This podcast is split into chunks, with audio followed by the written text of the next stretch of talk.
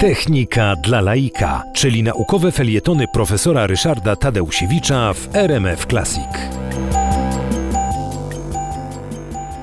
Kazimierz Kordylewski, astronom z Uniwersytetu Jagiellońskiego, żyjący w latach 1903-1981, miał rozmaite swoje e, dziwactwa. To był wspaniały astronom, między innymi odkrywca takich pyłowych księżyców, które odkrył gołym okiem e, w Tatrach, e, obserwując niebo.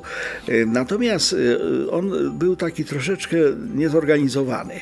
No i pewnego razu ogłosił studentom informację o tym, że będą mogli mogli zdawać egzamin u niego i w międzyczasie wypadła mu jakaś sprawa, chciał koniecznie na ten, y, to, tą sprawę załatwić. Wobec tego, jak jeden, jedyny student przyszedł na ten egzamin, to profesor Kordylewski mówi, tak, proszę pana, ale wie pan co, y, umawiamy się, ja panu zadam jedno pytanie, pan mi udzieli jednej odpowiedzi i na tym będzie koniec, y, od razu wpiszę panu taką lub inną ocenę. No, student oczywiście się zgodził.